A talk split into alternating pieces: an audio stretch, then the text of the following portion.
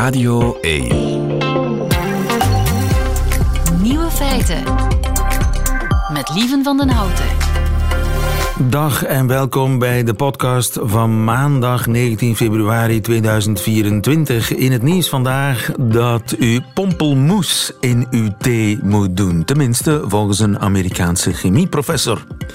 Dezelfde chemieprofessor die enkele weken geleden een diplomatieke rel uitlokte in het Verenigd Koninkrijk door te suggereren dat er zout in thee moet. En nu dus pompelmoes. Volgens die professor kan een beetje pompelmoes namelijk de afbraak van cafeïne of theïne vertragen, waardoor je langer van de cafeïnebus kunt genieten. Ze waarschuwt wel, die professor, om het niet in thee met melk te doen, aangezien die melk dan kan stremmen. Ja. Als je graag thee met melk drinkt, kan je best daarna een glas pompelmoessap drinken. Maar voor wie s'avonds wil genieten van een kopje thee, maar vreest om niet in slaap te kunnen vallen, voor die heeft ze ook een tip. Eet er broccoli bij of spruitjes. Lekker bij de thee, want die versnellen dan weer de afbraak van cafeïne. Hmm. Thee met spruitjeskoeken. Heerlijk.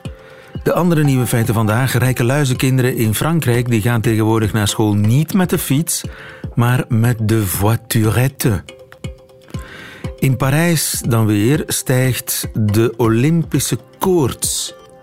ChatGPT maakt nu ook filmpjes op commando. En plots niet meer weten wat je eigenlijk ook alweer ging doen, dat heet in de psychologie het doorway-effect. De nieuwe feiten van Hugo Matthijssen, die krijgt u in zijn middagjournaal. Veel plezier. Nieuwe feiten. Radio 1. Rijke Franse jongeren die gaan niet met de fiets naar school en ook niet te voet, ook niet met de brommer. Zij nemen tegenwoordig de voiturette. Jolien de Bouw, goedemiddag. Goedemiddag. Jolien, onze vrouw in Frankrijk, de voiturette. Je hebt ze bij Bossen gezien toen jij naar Rijssel bent gegaan, of althans een, eh, ergens een gemeente tussen Rijssel en België. Waar ben je geweest? Ja, klopt. Ik was in Bondu en dat is een, eh, een gemeente waar toch wel de iets rijkere Fransen wonen. Dat is een van de gemeenten die toen dat nog bestond, wat ook de, de hoogste ISF was. Dus uh, de impôt sur la fortune, om maar te zeggen dat daar dus geen sukkelaars wonen. En dat is een grote privéschool, nogal goed aanzien, uh, een beetje elitair, zal ik maar zeggen. Dus daar zitten de kinderen van de rijkere uh, mensen in de buurt van Rijssel. En die komen inderdaad niet met de fiets naar school, want die fietsenstalling, die, het is al een kleine fietsenstalling en die was zeer leeg. Um, maar aan de overkant van de straat was een nieuwe parking aangelegd en daar stond het vol met van die identieke voiturette, van die kleine elektrische autootjes. Dat is een Citroën Ami, hè? Ja, dat is dus echt de populairste. Er stonden een paar andere modelletjes tussen. Maar die Citroën Ami is dus eigenlijk in heel Frankrijk, in dat soort buurten, enorm populair geworden de laatste maanden bij, bij de jongeren. Want je kan daar vanaf 14 jaar mee rijden. Dus middags de bel ging en de jongeren die gingen een hapje eten. Die, die stappen allemaal in die kleine auto's. En dat zijn inderdaad echt jonge kinderen, hè, leerlingen, scholieren van 14 jaar, die dan met de auto daar de straat op rijden een redelijk gek zicht, toch, moet ik zeggen. Ja, ook in Sint Maartenslatem is die heel populair, heb ik al gezien. Die, uh, Kijk, die dat... Want hij ziet er ook heel leuk Ja. uit. Hè. Ze hebben allemaal, allemaal ook dezelfde staalblauwe kleur. Ja, ja, en het zijn echt zo van die blokjes met dan van die grappige lichten erin. Het is precies een, een kindertekening van een auto, van een heel klein autootje. En dat hebben ze dan in het echt gemaakt. De voorkant is helemaal recht ook. En het is echt heel basic. Dus aan de binnenkant ook geen grote luxe, gewoon twee pedalen. Ehm, zelfs de, de inkleding, de stoelen zijn zeer bijna Spartaans. Dus het is niet de grote chic, maar die, die jongeren gaan hun wagentjes dan allemaal wel Dus van binnen zagen ze er allemaal anders uit. Het was, was grappig om te zien. Ah, vertel eens, hoe zagen die er dan uit aan de binnenkant? Er was er één bijvoorbeeld, zeer proper, met alles uh, mooi in doosjes gelegd. Aan het stuur hing dan zo'n wolletje met berenoortjes. Dat was dan van een jong meisje. Een beetje verder was dan een, uh, een beetje zoals een tienerkamer, zeer smerig, met vuile, zakken, uh, vuile sokken aan de voorkant. Ehm, schimmel heb ik ook heel wat gezien. Etensresten, kauwgom, sigaretten. Dus zoals ik denk dat tienerkamers eruit zien, zo zagen die auto's er van binnen ook uit. Ja, en hoe hard gaan die? Hoe snel gaan die? Die gaan niet snel. Hè. Dat is maximum 45 km per uur, als ze niet worden opgedreven natuurlijk. Maar ze zijn dus gelimiteerd 45 km per uur en ze mogen dus ook eigenlijk niet op de autostrade. Eigenlijk zijn ze gemaakt vooral om in de stad te rijden. Hè. Heel gemakkelijk om te parkeren, ze nemen niet veel plaats in en daar kan je dan toch niet sneller dan 45 rijden. Maar vanaf dat je natuurlijk buiten de stad gaat, en je ziet die daar ook wel vaak rijden op van die departementswegen, andere types dan vaak, zo oudere uh, autootjes, dan rijden daar slierte auto's achter die eigenlijk 80 of 90 willen rijden. Maar die kleine autootjes die brommen dus op de openbare weg gewoon verder dan 45 per uur maximum. En eh, soms met 14-jarigen aan het stuur. Ja, en dat is wel een beetje een probleem. Je kan dat dus vanaf 14 jaar besturen met een brommerrijbewijs. En zo'n brommerrijbewijs, dat kan je op 8 uur halen. Um, dan moet je zelfs nog niet in zo'n auto gezeten hebben om dat te halen. Je moet gewoon een beetje tonen van, ja, ik weet wat een stopbord is. Um, maar ze hebben mij daar dan wel verteld, ook die jongeren, dat ze allemaal al ongevallen hebben gehad. Het zijn ook niet de meest stabiele autootjes. Dus ze hebben dan nog nooit een rond punt genomen, bijvoorbeeld. Ze rijden daar dan op, geven gas bij, draaien aan dat stuur en dan vallen die autootjes eigenlijk gewoon omver. Uh, dus al die jongeren hebben daar wel al ongevallen gehad. Meestal met uh, gewoon een beetje blikschade, want tegen die snelheid is de schade meestal beperkt. Ja, en hoeveel mensen kunnen daarin zitten? Twee zeker, hè? Dat zijn, dat zijn twee zitjes. Ja, het zijn twee zitjes, hè, dus van voor twee stoeltjes naast elkaar. Maar ze gaan dan soms wel een beetje foefelen en er wat meer mensen induwen. En dan scheppen ze ook een beetje op daarover van ik heb er al zeven in de mijne gehad. Wij zaten er eens met tien in. Ik heb dan niet gezien hoe dat ze hebben gedaan, maar tien lijkt mij toch wel heel straf om in die kleine, kleine bakjes geperst te krijgen. Waren baby's misschien bij. Maar uh, goed, uh, daar woont veel gefortuneerd volk bij elkaar want uh, ja, niet goedkoop hè, dat speelgoed. Wel, die Citroën Ami, dat is dan eigenlijk wel speciaal. Die is in vergelijking met die andere modellen eigenlijk redelijk goedkoop. 7800 euro en je hebt er een nieuwe. Uh, natuurlijk kunnen niet alle ouders dat voor hun kindjes kopen, maar daar zeker wel. 7800 euro, dat is dan gemakkelijk. En dan zeggen die ouders, ik vind het veiliger. Ik wil niet dat mijn kind op een tweewieler, op een brommer naar school bromt elke dag in de regen. Uh, dus daarin zitten ze tenminste droog en een beetje veilig. Plus, uh, die kinderen zeggen ook van ja, wij helpen onze ouders daarmee. Zij moeten ons niet meer naar school brengen. Wij gaan al boodschappen doen. Wij kunnen zelf uitgaan zonder dat onze ouders ons moeten brengen. Er zijn er ook die hun kleine broertjes en zusjes ochtends naar school brengen. Dus uh, ja, heel wat van die ouders hebben het, ervoor over. Klinkt toch vooral als statussymbool en als een manier om ja. erbij te horen het is echt wel mode nu. Hè? Ja. Um, dus ook inderdaad hoe dat ze die pimpen. Het is echt ja, cool natuurlijk om daarmee rond te rijden. En hoe zit het met de wachttijden? Ja, wel, die zijn nu zo populair, dus die, die amietjes, dat je een jaar moet wachten op een nieuwe. En er was daar ook een jongen dan die, die er zo graag eentje wou, net zoals zijn vrienden, dat hij helemaal naar het zuiden van Frankrijk is gegaan om er een tweedehands te kopen. Maar als je dan op van die zoekertjesites gaat kijken, die tweedehands zijn nu duurder dan, dan een nieuwe, omdat de wachttijden zo lang zijn. En ja, kinderen hebben natuurlijk iets, uh, iets minder um, geduld en die willen dan nu onmiddellijk. Dus die prijzen voor die tweedehands, met dan al een paar duizend kilometer op de teller, die gaan echt enorm de hoogte in. Ja. Ja, uh, wij denken dat de toekomst aan de fiets is, maar duidelijk niet in Frankrijk. Nee, nee. En Frank, Fransen ja, die houden van hun auto's. Hè. Macron heeft het onlangs zelf nog gezegd. Uh, moi j'adore la bagnole, heeft hij gezegd. Uh, dat zit er echt in. Het is dan ook nog eens een Frans merk. En kijk, ze krijgen het bijna met de paplepel in, hè, die liefde voor de, voor de auto. En de meeste jongeren daar die zeiden ook van ja, maar de bussen hier, dat, dat werkt allemaal niet goed. Maar uh, bon, in Frankrijk en zeker rond de steden is er een redelijk goed openbaar transportnetwerk. Er waren daar ook fietspaden in de buurt. Um, maar toch, kijk, ja. dat blijft dat statussymbool en die auto, dat zit er echt gewoon heel diep in.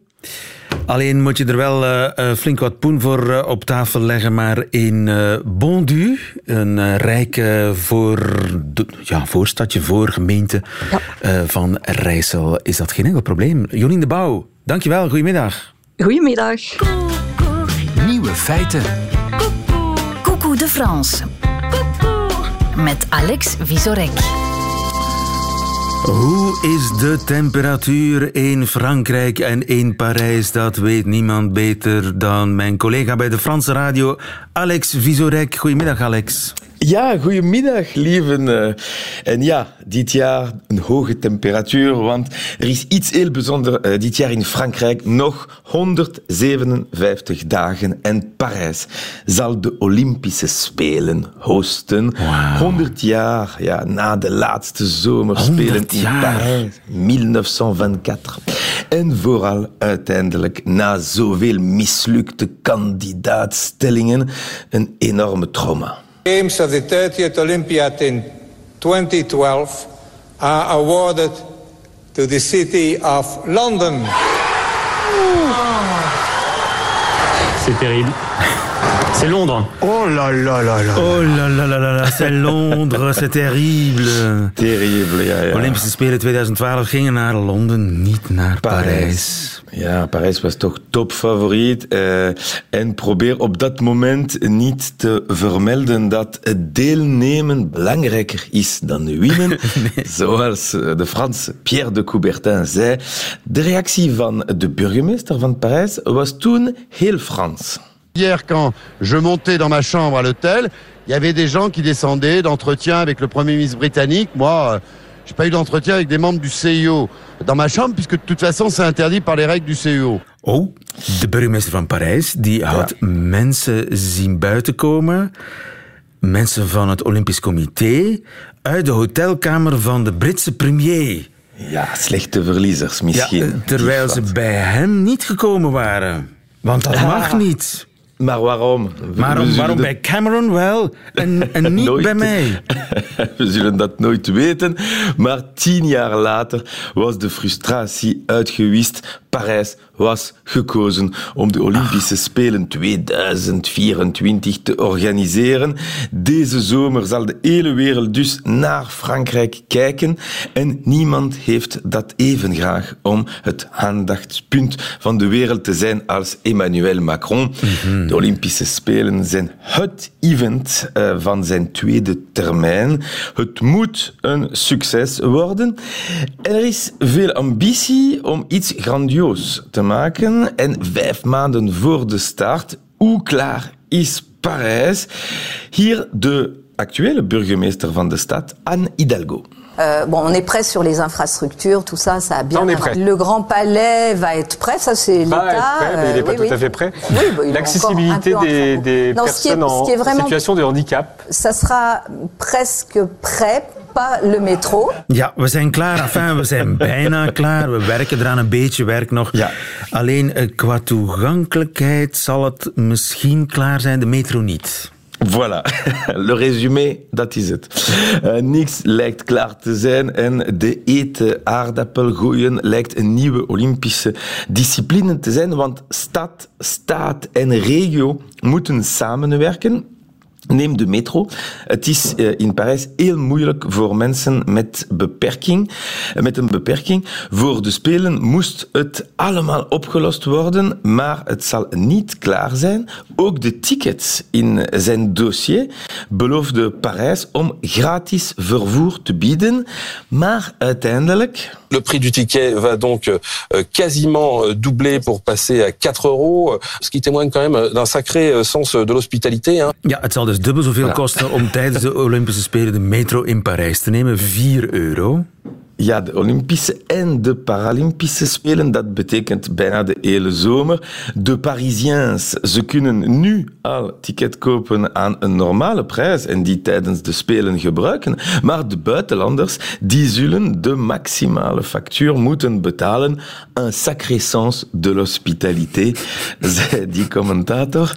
De prijzen van de toegangsticketten uh, werden ook uh, bekritiseerd. De verkoop uh, gebeurde met een uh, loting.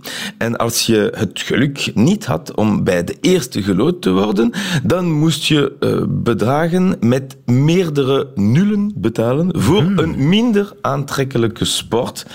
Maar er zal wel één plaats zijn waar je gratis naar zal kunnen kijken. De openingsceremonie zal plaatsvinden op de rivier La Seine. Mm -hmm. Maar hier ook een polemiek. Vorige zomer was het aangekondigd dat de boekinist van Parijs.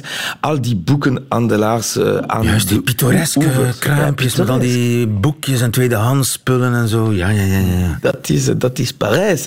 En ze zijn lang de, langs de Seine. Uh, ze, ze moesten weggaan uh, tijdens de Spelen. Al 450 jaar staan ze daar. Maar voor een paar maanden zouden ze hun uitstallingen met een kraan verplaatst worden en dan terug geplaatst. Daar waren ze niet over te spreken. C'est vraiment comme si on démontait la tour Eiffel, parce que la tour Eiffel, elle est trop haute, elle rentre pas dans le champ des caméras. Ja, het is alsof je de Eiffeltoren zou afbreken, omdat die te hoog is voor de camera's. Ja, ondertussen is het toch opgelost. De beslissing is ingetrokken. Ze mogen blijven. Maar niet alleen. De openingsceremonie vindt plaats op de rivier. Triatleten zullen zelf in de rivier Seine, in het centrum van Parijs, zwemmen. Enfin, zouden moeten. L'épreuve test de natation prévue ce week-end dans la Seine, cette épreuve a dû être annulée. À cause d'une pollution de l'eau. Oei. Testwedstrijden moesten afgeschaft worden, geannuleerd worden, omdat het water te vuil was. Ja, en hier een journalist die naast de scène staat en dit vertelt.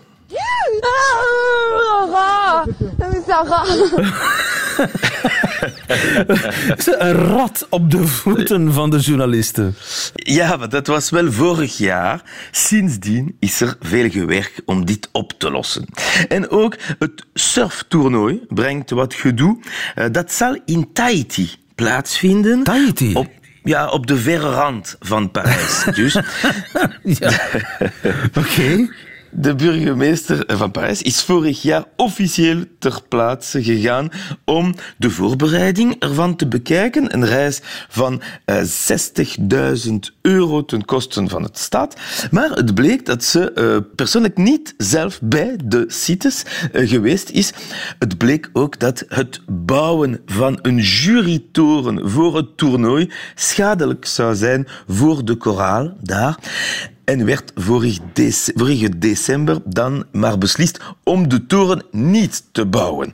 Hmm. Ça part dans tous les sens, zegt men hier. Dus binnen ongeveer vijf maanden is het zover. Parijs zal de Olympische Spelen hosten. En zoals je het hoort... Oui, on sera prêt. Tuurlijk. On sera oui. prêt. oui, oui, c'est sûr. Tot volgende keer, Alex Tot Vieselek. volgende keer. Het ontbreekwoord. Rick de Leeuw gaat op zoek naar woorden die in onze taal helaas nog niet bestaan. Zo zit dat. En uh, Rick de Leeuw die zoekt sinds vorige week een woord voor niet meer weten wat je ging doen. Het overkomt ons allemaal. Het is me deze week weer eens overkomen. Het komt, overkomt me vaak. Je loopt naar de keuken om even snel iets te pakken. Maar als je, in de keuken binnen, als je de keuken binnenloopt, weet je niet meer wat je daar precies ging doen. Wat ging ik ook alweer doen? Dat gevoel, dat fenomeen. Nog tot morgen kunt u uw suggesties kwijt via de ontbreekwoordknop in onze app. Tom Bekkers, goedemiddag. Dag, lieven. Tom, cognitief psycholoog aan de Universiteit van Leuven. Ik haal jou erbij omdat ik mij afvraag of dat fenomeen in de psychologie geen naam heeft. Goh, het heeft in de psychologie een naam, maar alleen in het Engels, vrees ik. In, het, uh, in de psychologie heet het het doorway-effect. Een doorway-effect? Een doorway-effect? Waarom een doorway-effect?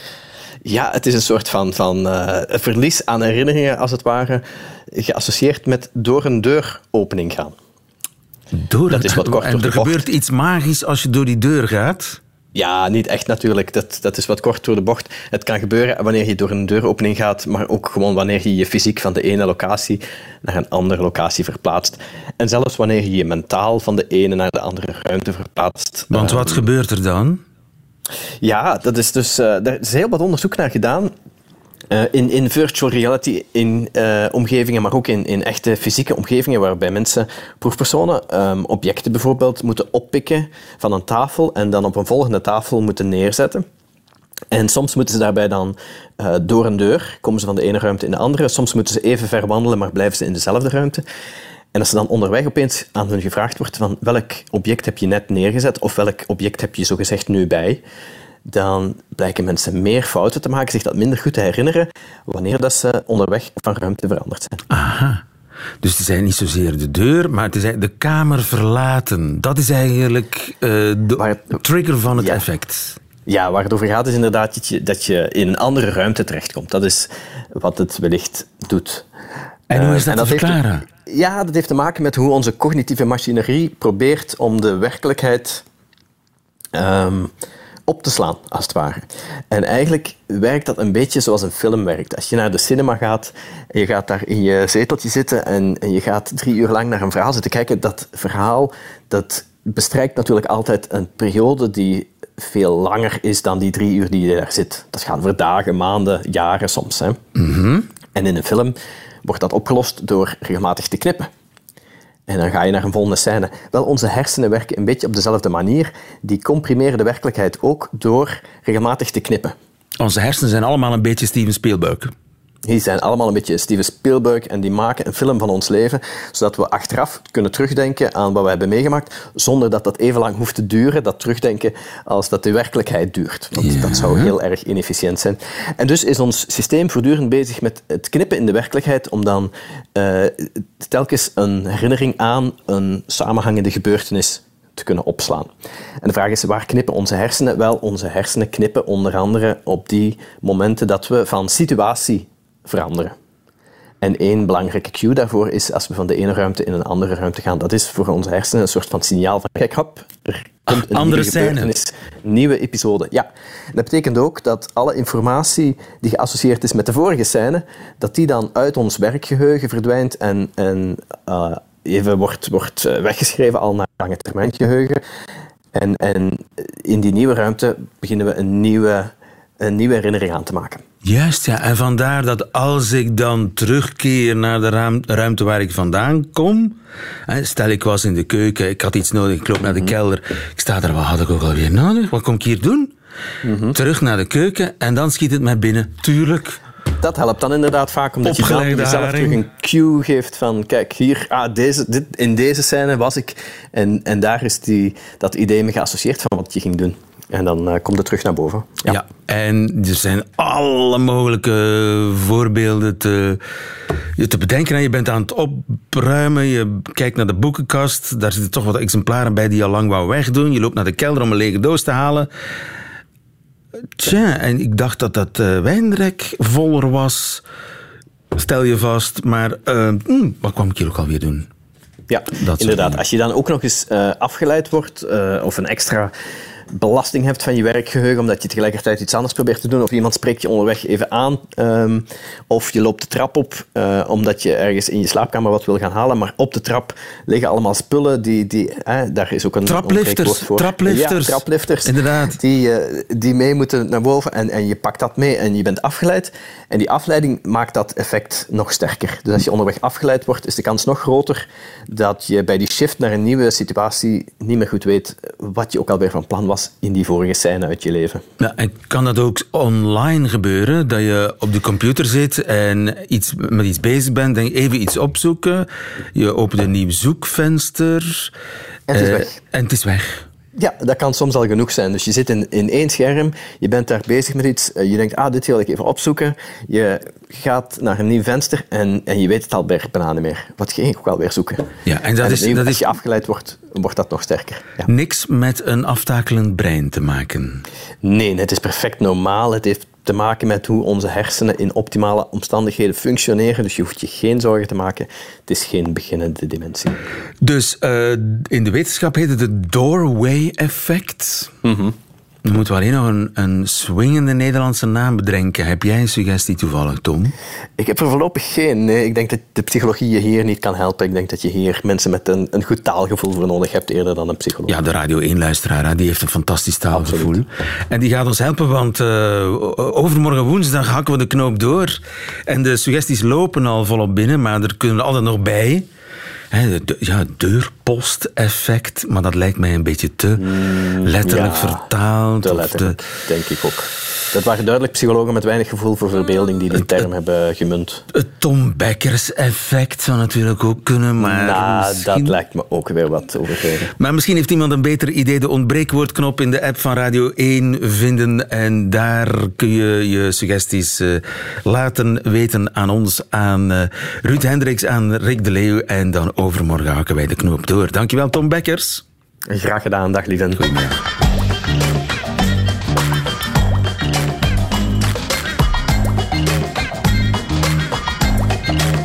Nieuwe feiten. Jeroen Baart, goedemiddag. Ha- Hallo Jeroen. Goedemiddag. Ja, ja. Wake up Jeroen. Hallo. Jeroen Baart, computerwetenschapper des vaderlands. Ik heb je nodig, Jeroen. Want ik ben enigszins gealarmeerd en geëxciteerd, want ik heb me laten wijsmaken dat ik tegenwoordig zelf mijn filmpje kan maken. Gewoon achter mijn laptop. Ik kan het nog niet zelf, maar, maar OpenAI, het, het grote AI-bedrijf achter ChatGPT en DALI, heeft, eh, heeft die technologie voorgesteld eh, verleden vrijdag. En er zijn al proeffilmpjes te zien. Ja, dus het gaat om een technologie waarin je kan typen: ik wil eh, een beeld van mensen die door de sneeuw wandelen in Tokio. En dan komt daar een AI-gegenereerd beeld uit. Een video van een minuutje, denk ik, dat ze kunnen genereren. eh, van mensen die door de sneeuw lopen in Tokio. En dat ding heet Sora. Sora, dat zou Japans zijn voor de lucht. Maar met, met nog wat eh, dichterlijke kwaliteiten bij. Ja, dus ik kan een volledig filmscenario tikken en dan op een knop drukken en dan wordt dat een filmpje. In stukjes van één minuut, hè, ja. Maar voor de duidelijkheid, ze hebben, ze hebben de technologie voorgesteld. Momenteel kan het brede publiek er nog niet aan. Het is enkel voor, ehm laten we zeggen, experten.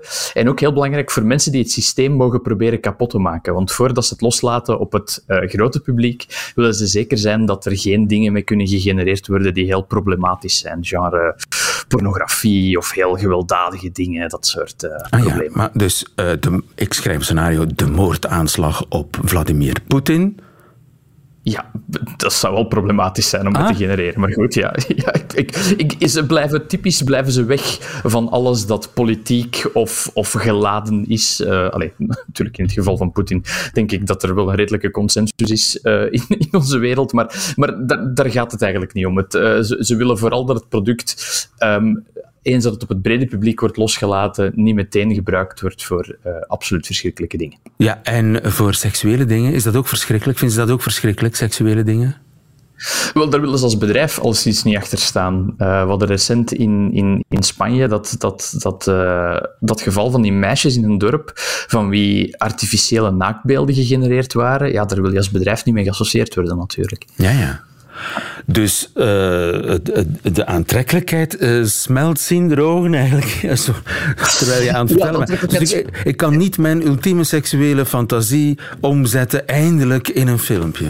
Dat, niet, niet met die tool, alleszins. Maar, maar laten we even focussen op wat dat het wel kan. Het is wel voor de eerste keer AI-videogeneratie die qua eh, kwaliteit en qua temporele coherentie, dat is een heel duur woord om te zeggen, het klopt van de ene seconde op de andere. Heel veel AI-videogeneraties, je herinnert misschien nog, eh, een jaar geleden hadden we zo'n filmpje van Will Smith die spaghetti eet, AI gegenereerd. Ja, dat was een absolute nachtmerrie, hè, want Will Smith zijn hoofd werd groter en kleiner en die spaghetti ging alle kanten op.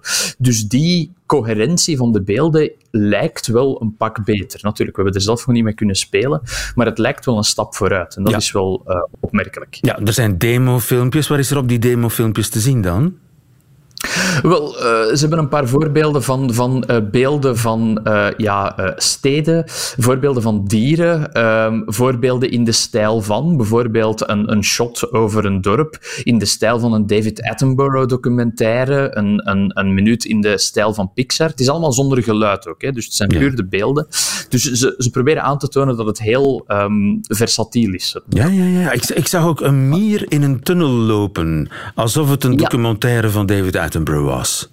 Daar, daar is dan weer meteen eh, een pijnpunt. Ehm, het ziet er goed uit, maar het is niet altijd correct. Die mier die had bijvoorbeeld maar... Oh, en nu ga ik mijn absolute wetenschaps eh, eh, achterkant eh verloochenen. Die mier had een verkeerd aantal poten. Die mier had eh, acht, acht poten in het filmpje. Maar ben je toch En een nerd? eigenlijk maar zes poten. Ja, ik ben een nerd en ik was dat even vergeten. Het is maandag voor iedereen. maar dus... De beelden Het kunnen klopt niet uitzien. helemaal. Maar het ziet er wel heel mooi uit. En ziet het er dan uit als, je zei Pixar, is, is het allemaal animatie of is het ook echt Hollywood? Dat kan je vragen. Je kan de stijlen vragen, net zoals dat je nu met die, met die afbeeldingsgeneratoren en met die tekstgeneratoren kan zeggen van kijk, ik wil een gedicht in de stijl van, of ik wil een afbeelding in de stijl van, eh, vrolijk, heel realistisch. Dat is net de voorgestelde kracht van die, van die AI-modellen, dat je, dat je kan vragen eh, heel custom wat je wilt. Ja, ja. En dat zal dan op termijn op de markt komen. Daar ga je voor moeten betalen, neem ik aan. Waarschijnlijk, ja. Er zijn ook een hele hoop dingen die we niet weten. Hè. Eh, Bijvoorbeeld hoe, ehm, hoe arbeidsintensief is het? En dan bedoel ik het qua rekenkracht. Hè. Meestal het genereren van, van dat soort dingen kost heel veel rekenkracht. Dus hoe, wat is het, verdienmodel daarachter? Het andere ding is, ja, waar zijn deze systemen op getraind? Dat wordt nu eh, op de markt gezet als, voilà, je gaat daar dingen mee kunnen maken. Want er zijn heel veel mensen die zoiets hebben van, ja, maar wacht, die afbeeldingsgeneratoren waren al getraind op het hele internet, vaak eh, met, maar nog vaker zonder toestemming. Ehm, waar is dit op getraind? Is dit getraind op Hollywoodfilms? Is dit getraind op Instagram-video's? Is dit getraind op content waar jullie recht op hebben? Dus dat is een hele grote vraag en daar zijn er geen antwoorden op. Dus daar zijn er wel al, al vraagtekens die daar eh, de hoogte ingaan. Als ook van ja, we hebben nu alleen de filmpjes die het bedrijf zelf naar buiten gebracht heeft, als kijk eens wat dat het kan. Ehm, dat is natuurlijk altijd oppassen als je in een promopraatje van een bedrijf zit. Ja, ja, ja, maar, maar wat gaat er gebeuren als ik daarmee speel? dus dus dat, dat, dat zijn nog zeker vraagtekens die erbij te stellen vallen. Ja, een andere vraagteken is natuurlijk hoe ga je vermijden dat dit wordt ingezet om massaal fake news te maken? Ja, fake news, eh, dat is een vraag die ik vaak krijg, maar ik, ik ben daar een beetje van mening over veranderd. Tegenwoordig, de kwaliteit van fake news maakt eigenlijk niet zoveel uit, is eigenlijk een recente tendens dat we zien. Als je echt wil geloven dat Joe Biden kinderbloed drinkt en je maakt daar een iets wat crappy filmpje in Photoshop van, voor de mensen onder wie zich dat verspreidt en de mensen die dat delen, doet de eigenlijke kwaliteit van het fake nieuws er niet echt toe. Ja. Dus in dat opzicht zijn er, zijn er experten, en ik, ik kan daar ergens in volgen, die zeggen van kijk, of dat we dan nu 10%, 20% realistischer kunnen maken, eigenlijk door het, tribalism, eigenlijk door het kuddegevoel online, zijn we er al voorbij. Er zijn nu al dingen die de halve wereld rondgaan, die dat er belangen niet zo realistisch of belangen niet zo goed uitzien, waarvan dat de factcheckers hier en, en de factcheckers over de hele wereld kunnen zeggen van kijk jongens, dit is absolute bullshit. Maar we zijn blijkbaar al voorbij dat punt. Ja, Eh, ja, maar waarheid, ik heb waarheid. nu heb je het Eh, over eh, Biden die bloed drinkt. Ik neem aan, als je dat gelooft, ben je zelf al voorbij een bepaald punt. Maar als, je, dan, als je dan iets heel twijfelachtig zou Misschien, doen... ja, hè, eh, ik, ik zeg ze maar iets. eh, Alexander de Croo, die lijkt luchtgitaar te spelen. Ik weet het niet. Ja, Whatever, zoiets dat net naast de waarheid zou kunnen staan. Dat lijkt me dan toch heel gevaarlijk. Kan een probleem worden. Daarom is het ook, denk ik, belangrijk dat, uh, niet om onszelf op de borst te kloppen, maar dat, dat, dat, we daarover communiceren en mensen informeren wat dat er allemaal kan. Ik doe nog regelmatig mensen hun, hun mond openvallen met stemsynthese, met iemand zijn stem namaken. Ik heb voor de collega's van Studio Brussel ooit Eva de Roo haar stem nagemaakt met AI. Tien minuten werk. Ja, mensen zeggen nog altijd van, maar enfin, zeg, kan dat zomaar? Wat, wat, allee, mensen moeten op de hoogte zijn van wat het er kan en niet kan. Net zoals dat er mensen op de hoogte zijn van, ja, tegenwoordig met Photoshop kun je ook wel wat. Een waterski in de pauze, ja, dat, dat zal Ja, waarschijnlijk... dat is nog niet- grappig natuurlijk, hè? maar je kunt Ja, dat natuurlijk op een, op een hele kwalijke manier gebruiken. En daarom, eerlijk gezegd, al die nieuwe ontwikkelingen. Ja, mixed feelings, Ja, hè? komen toch. Ze komen toch lieve. Allee, dat, ehm, ik, ik, ik snap het, de mixed feelings, maar langs de andere kant moet je het ook bekijken. En langs de andere kant moet je ook heel hard focussen op wat dat het niet kan. Hè. Ehm, er, zijn, hier is ongelooflijk veel geld tegenaan gesmeten, er is ongelooflijk veel eh, resources tegenaan gesmeten. En er zijn nog altijd dingen die het niet kan. Hè. Er is een filmpje van een oma die een recept aan het bakken is. En op een bepaald moment tovert hij een lepel uit haar hand die daarna terug verdwijnt. Er zijn bepaalde limieten waar dat je toch tegenaan botst, omdat je uiteindelijk... Je bent niet... Die systemen die genereren geen film in de zin van zoals wij iets zouden filmen, namelijk een camera in een ruimte zetten en door die ruimte bewegen. Die zitten nog altijd gewoon pixels te genereren. Die kennen het concept oma of lepel of Tokio niet. Die hebben gewoon door enorm veel data geleerd. Wel, waarschijnlijk evolueren de pixels zo, als ik het daarover heb. Dus daar is echt nog een, hele grote disconnect tussen een slim systeem, zoals wij het zouden tekenen of iets schrijven, en wat dat die systemen nu doen. En ik denk dat dat ook steeds duidelijker en duidelijker gaat worden. You can go a long way, maar die laatste 5%, die laatste 2%, om het echt helemaal oké te maken, dat kan, dat kan best wel eens pittig worden. Ja, dus Hollywood is nog niet werkloos. Steven Spielberg moet nog niet gaan solliciteren elders.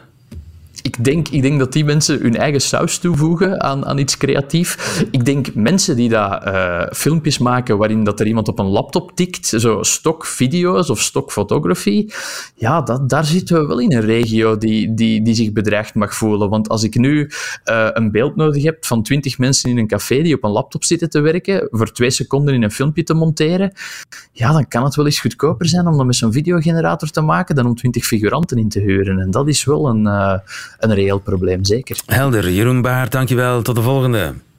Graag gedaan. Doei. Nieuwe feiten. Radio 1. Ziezo, alles helder. Dat waren ze weer. De nieuwe feiten van vandaag, 19 februari 2024. Alleen nog die van Hugo Matthijssen, die krijgt u nu in zijn middagjournaal. Nieuwe feiten. Middagjournaal.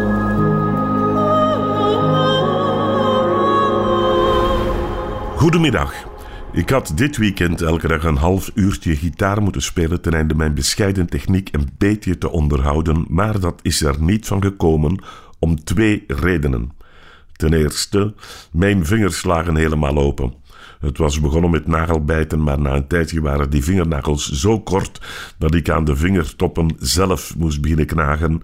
En dan wordt een instrument bespelen natuurlijk lastig. En de tweede reden was, mijn hoofd stond er niet naar. En die twee redenen zijn nauw met elkaar verbonden.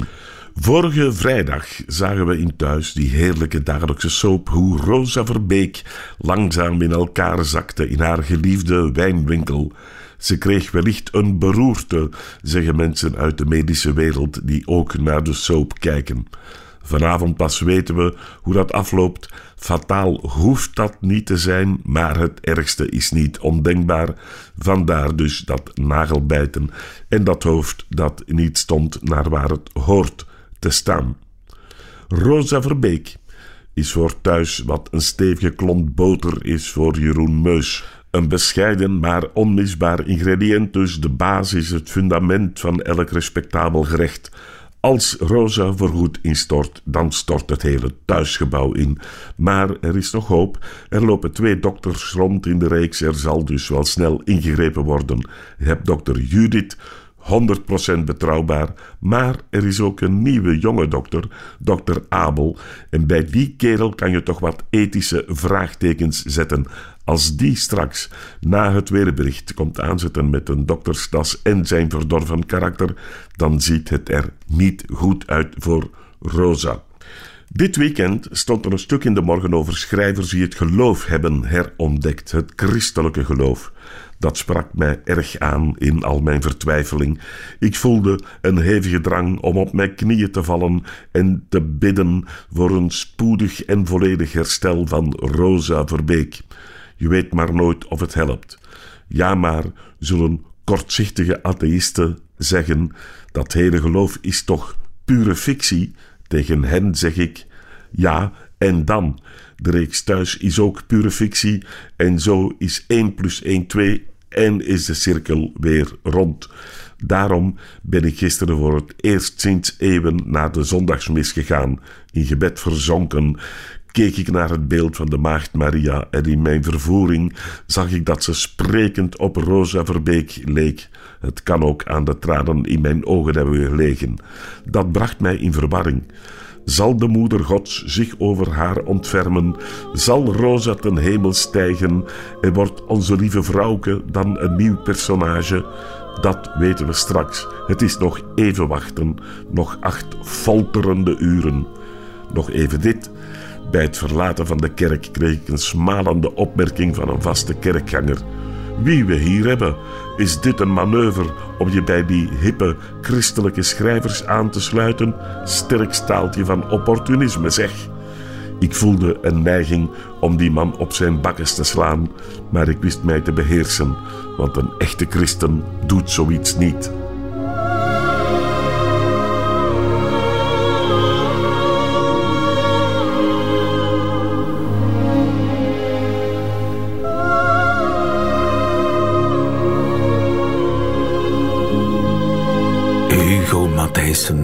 Nagelbijtend voor de kleurentelevisie. Einde van deze podcast hoort u liever de volledige nieuwe feiten met de muziek erbij. Dat kan natuurlijk elke werkdag tussen 12 en 1 op Radio 1 of uitgesteld in de app van VRT Max. Tot een volgende keer.